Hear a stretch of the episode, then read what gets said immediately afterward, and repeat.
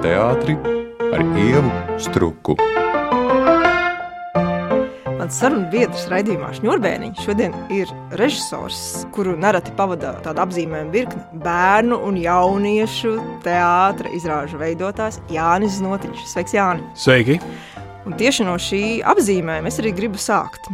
Kā režisoram ir sadzīvot ar tādu amplitūdu, kuru viņam pieraksta gan citi, gan ko tomēr arī viņš pats, es nezinu, vai vārdu kultivē būtu pareizi lietot, bet tomēr ļoti apzināti uzsver, izceļ, un kas līdz ar to ļauj ļoti uzmanīgi vērot tos darbus, kurus tu veic, un tā esi bērniem un jauniešiem.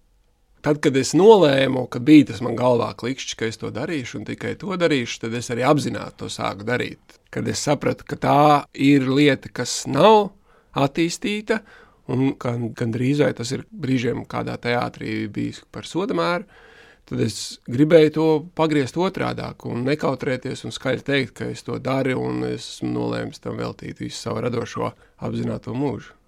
Mēs paši esam, protams, arī teātris kontekstā runājuši par uh, to, kāda ir atšķirība starp bērniem un jauniešiem, un cik ļoti ir konkrēti jādomā par tām vecuma grupām. Bet, piemēram, ja tagad tev, kas veido izrādes bērniem un jauniešiem, teiktu, hm, Jāni, vai tu vari izveidot izrādi ļoti, ļoti, ļoti veciem cilvēkiem, tu būtu gatavs uz kaut ko šādu parakstīties?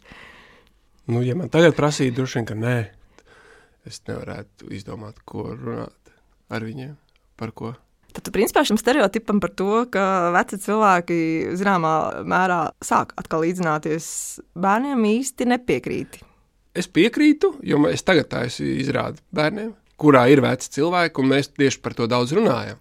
Bet kā es varētu izmantot tos pašus līdzekļus veciem cilvēkiem, ko es izmantoju bērniem, droši vien, ka nē. Skaidrs. Kas tev pašam eh, šķiet kvalitāte, kam ir jāpiemīt režisoram, kas izvēlas šo ceļu dzīvē, lai runātu ar bērniem un jauniešiem? Atbilde ir pavisam vienkārša. Bieži vien saka, vārdu godīgums, būt godīgam, bet ko tas īsti nozīmē būt godīgam? Jo nu, es uzlieku izrādi uz skatuves un nemeloju.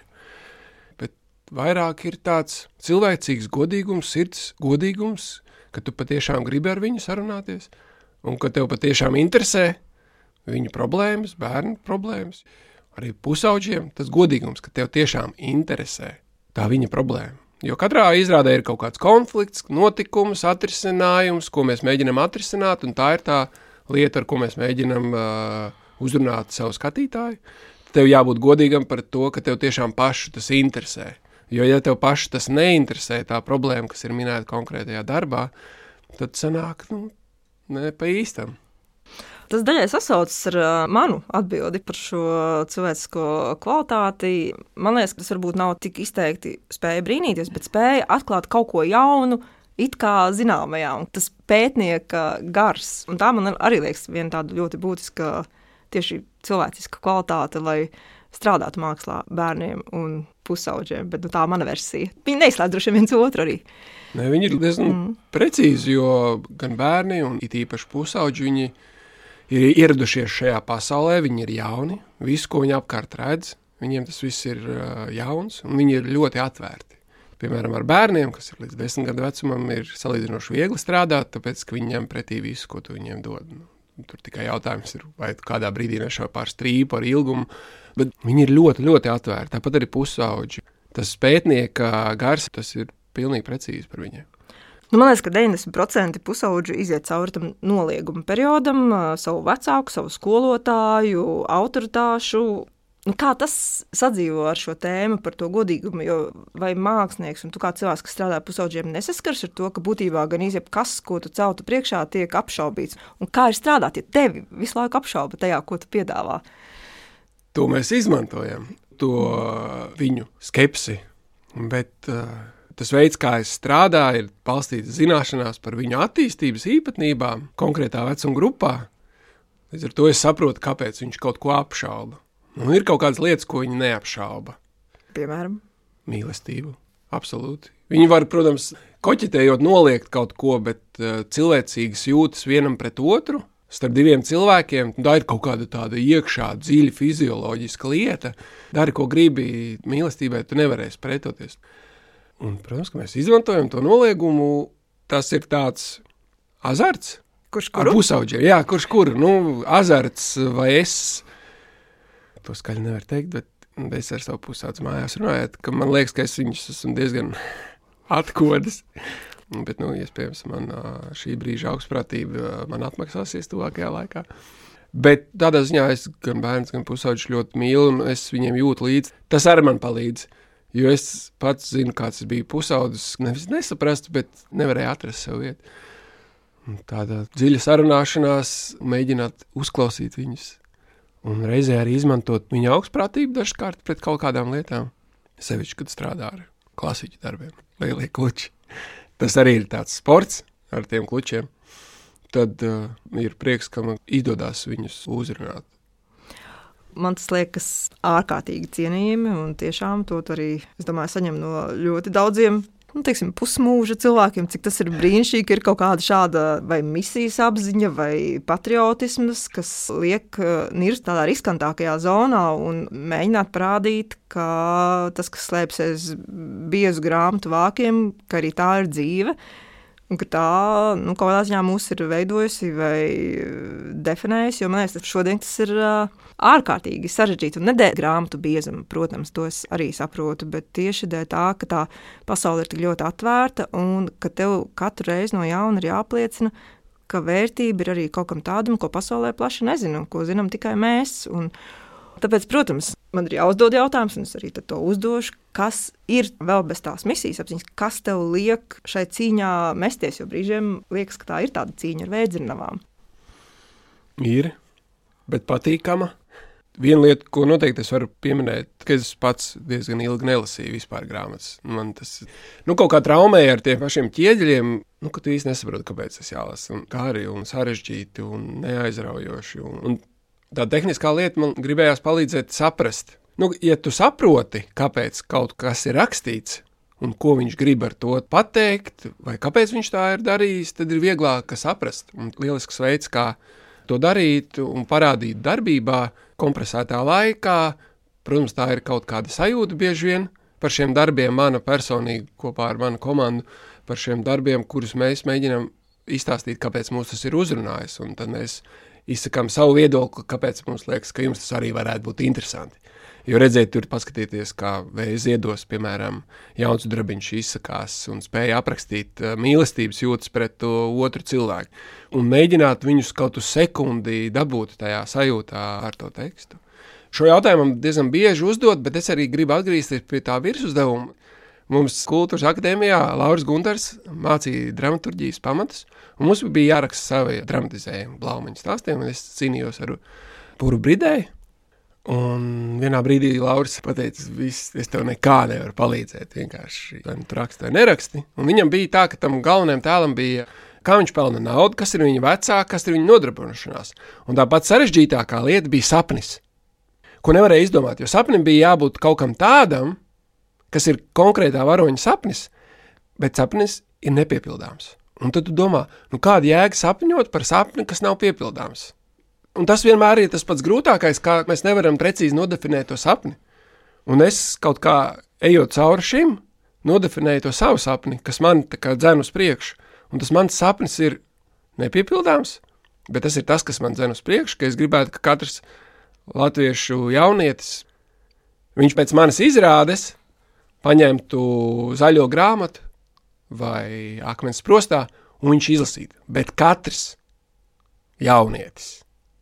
Nu, tas ir tas sapnis, kas man kā dzen uz priekšu un uh, neliek apstāties. Un bieži vien, jā, man patīk mans darbs, un bieži vien tad es tās stundas jau vairs neskaitu.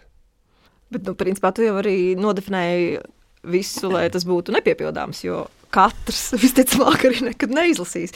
Bet jā, tu... bet tas ir tas amats, kas nu, man zina, jo man liekas, ka tu tomēr varētu izdarīt.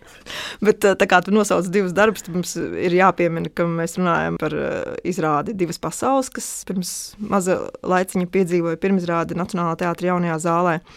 Un, kad tie atslēgas vārdi jā, ir Annele un Jancis un Brigadere un Jauns Drabiņš.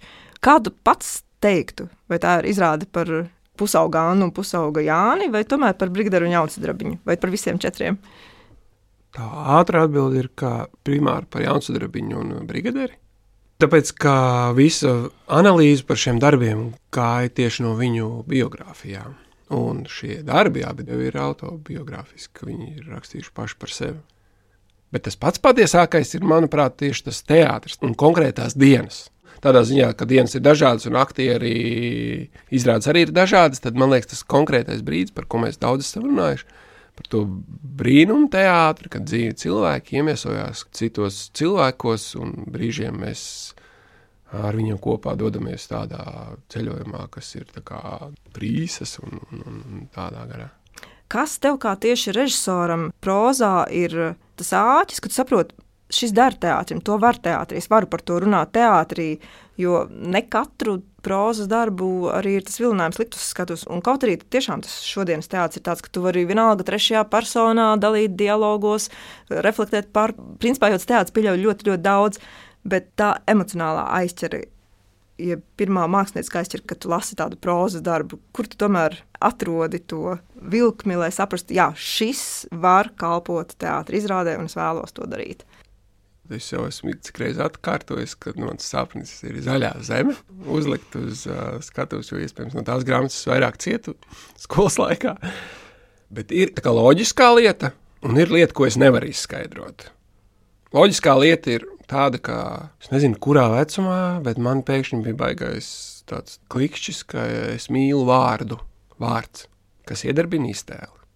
Sākot strādāt ar Anci, man aktieri ir sākuši runāt mazāk uz skatuves, bet savos sākotnējos darbos, kad es nestrādāju ar dramaturgu, kad mēs to pašu izdarījām, man aktieri vienkārši runāja visu laiku. Tad, kad izrāda sākās, viņi sāka runāt tukšā telpā, un viņi turpina runāt līdz galam būvējot šo iztēles bildi, ko mums Aina Matīs runas stundās kultūras akadēmijā stāstīja par to, ka, ja tu runā, tev ir nepieciešama tā iztēles bilde, kas ir brīnišķīga, jo tad es arī vienā brīdī sapratu tehniski, ka, lai kādu vārdu es arī pateiktu, katram būs sava asociācija, un tas būs unikāli.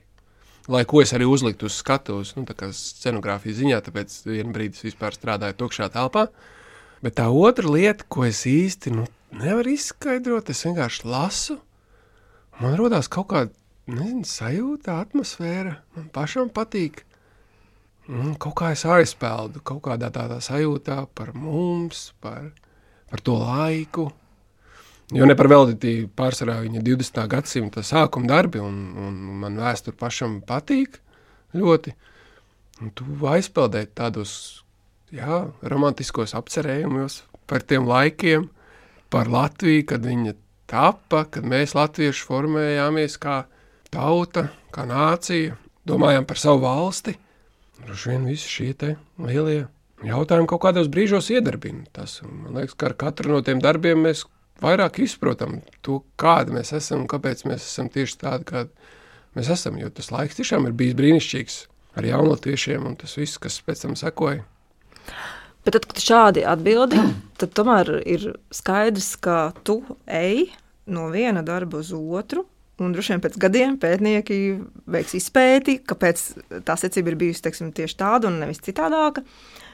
Bet tā tava auditorija mainās daudz straujāk nekā pieaugušo izrādēs, jo tie bērni izaug un uh, kļūst par pieaugušiem cilvēkiem, un nāk atkal citi mazi skatītāji tie ceļi tur neaiziet kaut kādā ziņā, nezinu, kā tādas taisnas, kas nekrustojas, ka vienkārši tavas attīstības tā līkne, vai ko tu sev atbildi par to, kā tapa mūsu nācija, ka, teiksim, tu jau citā kvalitātē uz šiem jautājumiem atbildi nekā tava mērķa auditorija, kura par to izdzird vispār varbūt pirmo reizi.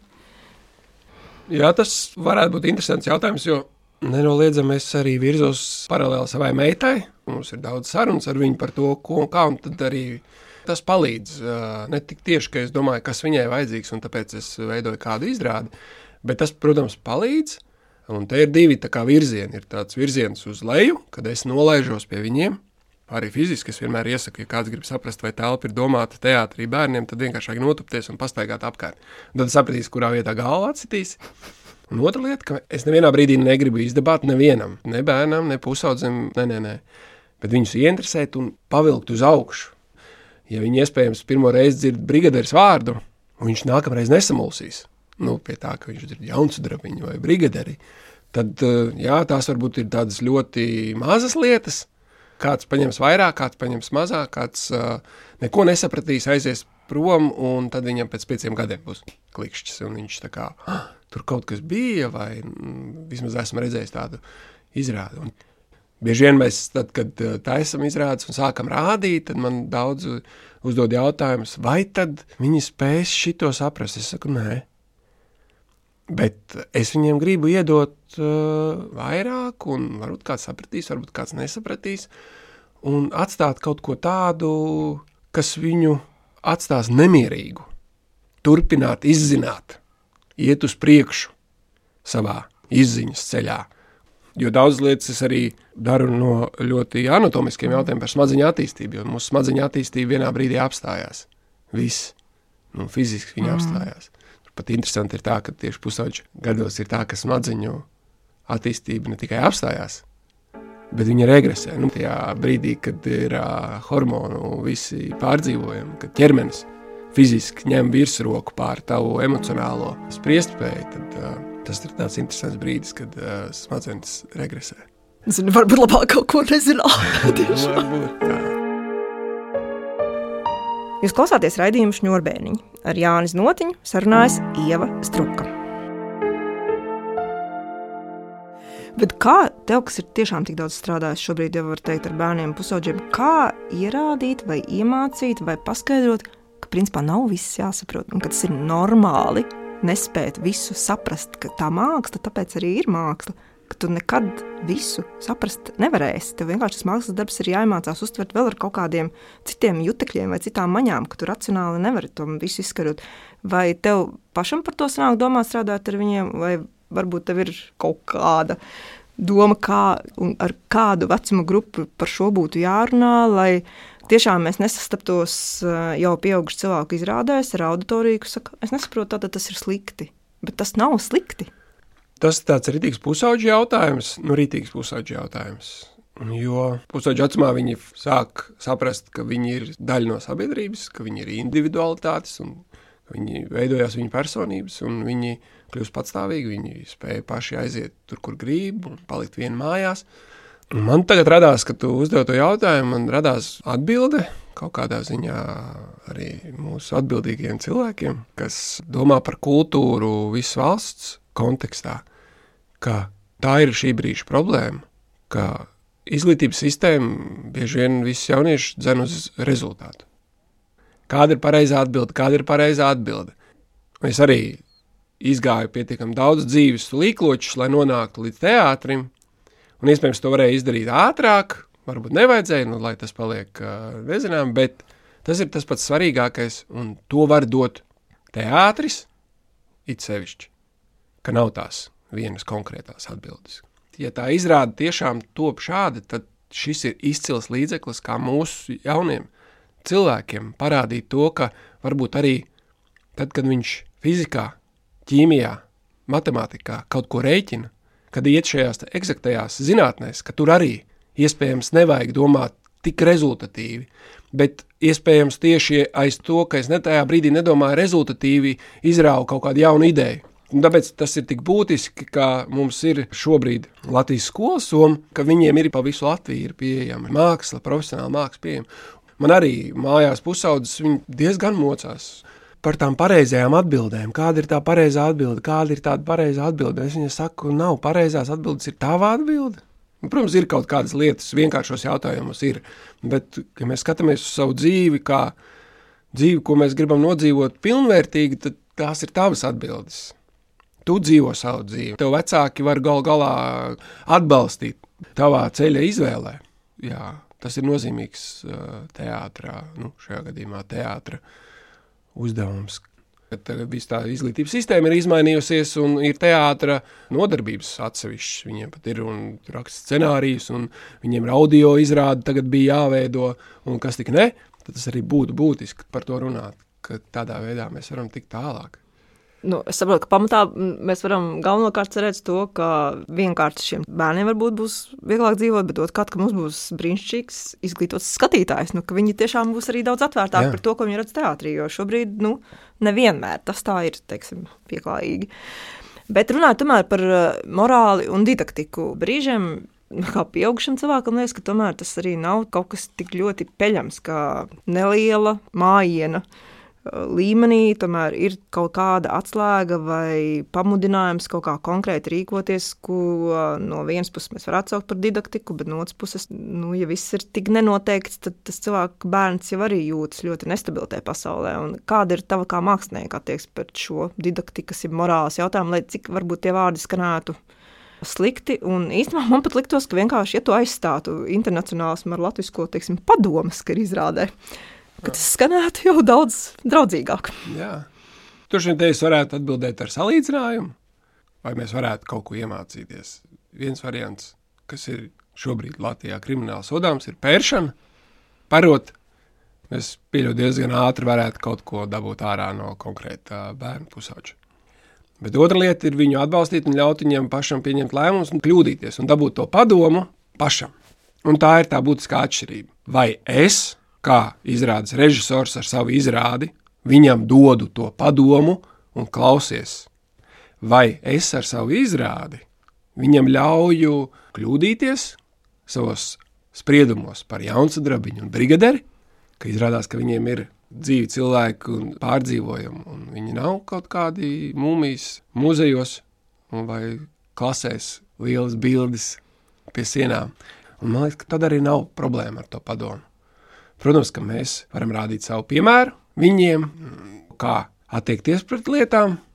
Un tas arī ir vislabākais veids, kā dot padomu saviem bērniem, pusauģiem, ar savu piemēru. Nu, viņi jau mācās no mums. Nu, man liekas, tā problēma ir vēl pat sarežģītāka, jo atliek ieslēgt jebkuru mēdīju. Un tu saproti, ka tie pieaugušie ir vienīgi slikti cilvēki. Viņi dara tik daudz negantības, ja viņi ir krimināli sodāmi, politiķi meloja, kas tik viss nenotiek. Un tad tu gribi, lai tas bērns ir tāds ļoti labs. Viņam nav pamata būt labam, jo viņš redz, ka viņš nedzīvo ne tuvu nekādā ideālā pasaulē. Man liekas, tā ir tāda tēma, par ko īstenībā būtu baigi interesanti runāt. Izrādās, ka tā pasaule nav ideāla un vienkārši tomēr mēģināt pašam būt labākam nekā tie cilvēki, kurus tu īstenībā redzi sev apkārt. Jo faktiski jau to paraugu ne tuvu nav tik daudz. Nu, cerams, ka mamma un tēvs cerams. Ne jau vienmēr arī tā droši vien ir. Vēl viena lieta, kas viņiem ir, ja sākumā runāja par mīlestību, tad labā un ļaunā izjūta arī ir mūsos iekšā jau no paša sākuma. Nu, absolūti. Laika gaitā var nu, nobīdīties mūsu tā skala, protams.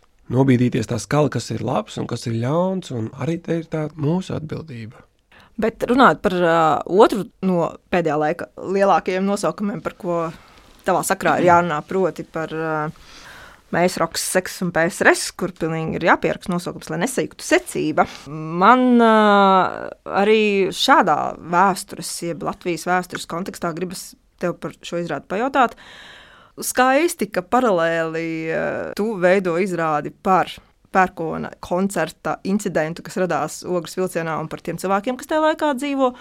Un īsi pirms tam Valters Sīls veidoja izrādi zem diviem karogiem par grupu Junkravu un tās vēsturi. Un jūs abi, būdami laika biedri, runājat par tā mūzikas grupām un to laikmetu, kad jūs nākat pasaulē. Un tas man liekas vienkārši brīnišķīgi, ka vispār ir šāda izvēle. Nevis teiksim, par savu nezinu, jaunības mūziku, bet būtībā par tādu agrīnās bērnības laiku. Un, jā, līdz ar to es nevaru nepajautāt tu un mūzika, un tu un grupa pērkons.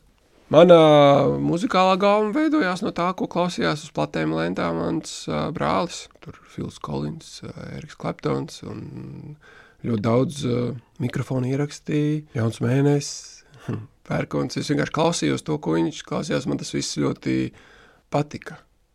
Tas iemesls, kāpēc tāpa tā izrāde, ir uh, mana paša trauma īstenībā ne trauma, bet tāda mana paša sajūsma par padomju savienību. Jo jā, es kā bērns atceros padomju laikus, dzīves 83. gadā, man kaut kādas atmiņas ir par tiem pēdējiem gadiem. Atmiņā ir vasara, Beņamiņa mūžas kolhozā ēdnīca pa 20 kapekām, maltās gaļas mērce, saldie, mamma darbā, Mēs esam pāēduši, nu, forši es spēlējos, apkārt siltais ūdens, apkure. Būtiski atcerēties, ka esmu mazs bērns. Man vecāki par mani parūpējās, lai mana bērnība būtu skaista un man būtu labas atmiņas par to. Viņi tā teikt noslēpa no mums visu to, ko viņi paši pieredzēja kā pieauguši cilvēki. Un tad atnāca 90. gadi, no Valdiķiem mēs pārcēlāmies uz Kandalu. Ko es atceros no tā laika? Tā ir mana 4. klase, un es atceros rudeni, drēgnu laiku. Es stāvu savā dzīvoklī pie loga, man nav neviena drauga, jo esmu ieradies jaunā pagalmā. Mājā nav apkure, es sēžu džemperī, jo ir rītīgi augsts. Mēs esam atguvuši zemes, mans tētis eh, metās iekšā 90. gadu lauksaimniecībā, nu, tā kā apstrādāto zemi, gan aiz tā ideālisma, gan aiz elementārās uh, vajadzības nodrošināt savu ģimeni. Bet to jau es nesaprotu tad manā galvā sāk veidoties situācija, ka kāda brīva Latvija, kam tas vispār ir vajadzīgs, jo tas viss ir vienkārši slikti. Bet mana bērnība bija tik labi kā bērnam. Un to es sapratu tikai kaut kad, nu, kad man kļuva 18, kad es sāku Rīgā dzīvot, jau salīdzinoši patstāvīgāku dzīvi bez vecākiem, kad es vienā brīdī sapratu, kur es stingri maldos šajā jautājumā par padomju savienību protams, aizvien vairāk lasot, uzzinot par to, kas ir noticis ar uh, cilvēkiem un kāda ir bijuši represīvā sistēma pret uh, cilvēku. Manas domas pilnībā mainījās. Un, uh, šīs izrādes kontekstā ideja radās pavisam vienkārši, jo aizvien vairāk pēdējos gados tā ideja mums tapa kaut kādā 21. gada pavasarī mēs to izdomājām es aizvien vairāk dzirdēju šo mānīgo priekšstatu par padomu laikiem. Es redzēju, ka kaut kāds intervijas, ka jaunieši vidusskolas sāk runāt par to, tas bija laikam arī Daugaupilī, nu par to, kā mēs gribētu braukt tajās kartupeļu tālkās, biešu tālkās, un tad tur viss bija, un visiem viss bija. Un es saprotu, ka aizvien vairāk un vairāk, un tad man likās, ka ir jāuztais izrāda par uh, padomu laikiem, par to, kāda bija dzīve jauniešiem ka mums ir jānovērtē tas, kas mums ir šobrīd un kāda mums ir brīvības pakāpe šobrīd, un ar ko bija jāstopās mūsu vecākiem savā jaunībā. Tā tapa tā ideja, un tad jau, protams, es gāju to uh, veco ceļu, meklēju ķieģeli, un tad es sapratu, ka nav. Jo neviens jau neko padomju savienībā patiesu neraksta. Vienīgais, ko es zināju, jau sen to filmu, vai viegli būt jaunam, ar izcilu nosaukumu un Un tur bija dramatisks notikums starp jauniešiem, kuru dzīves izposta sistēma, represīva sistēma. Man liekas, ka tas ir jāparāda. Nu, tad tālāk jau tas bija tehnisks tādā ziņā jautājums, kad es Ancē teicu, rakstam lūgu, teātris uzreiz piekrita un, nu jā, gribēju parādīt, kāda dzīve bija tajā laikā. Bet, uh, rezumējot, mēs noteikti par šo periodu arī nevaram ieslīgt diskusijā. Rezumējot, nav pašsaprotamu vēstures posmu Latvijas vēsturē. Tātad, jebkurš posms ir aplūkojams mākslas kontekstā, un tas ir interesants, jo tā ir ilūzija, ka cilvēki atceras vai zina, jo visu laiku rodas atkal nākamie cilvēki, kuri par to zina ļoti maz, un būtībā Latvija ir neizsmeļama mākslā. Jā, protams. Ja mēs gribam runāt par uh, sevi un saprast, kas mēs esam un kur mūsu valstī attīstīties, tad uh, kur nu vēl labāk, kā skatīties, ko mēs esam un mācīties no savām kļūdām un uh, izdarīt secinājumus, rādīt, runāt par to, neaizmirst, būtiski lieta ir neaizmirst. Un uh, nobeigumā es gribu pajautāt, ņemot vērā, cik ļoti mēs tiešām runājam par Latvijas vēsturi, kas ir tas posms, par ko var būt tev vistuvākajā laikā būtu vēlme runāt teātrī valodā pusauģiem, teiksim, nevis bērniem, bet pusauģiem. Piektā gada revolūcija. Jā, un Valmīras puikas. Tas ir tas, par ko es šobrīd ļoti intensīvi domāju. Jā. Jā, Ani, tagad es būšu tā, kas nosauks tavu tandēmu uzvārdus, jo tu viņus nepieminēji. Un vienkārši es gribu novēlēt, lai tev gan veidojot Valmīras festivālu kopā ar Reinu Hānu, gan veidojot savas izrādes kopā ar Ānci Možnieci, izdodas. Paldies! Tev. Paldies viņiem, paldies jums par aicinājumu! Jūs klausījāties raidījumu šņurbēniņu. ar Jānis Notiņu, bērnu un jauniešu teātra. Izrāžu režisoru sarunājās Ieva Struka.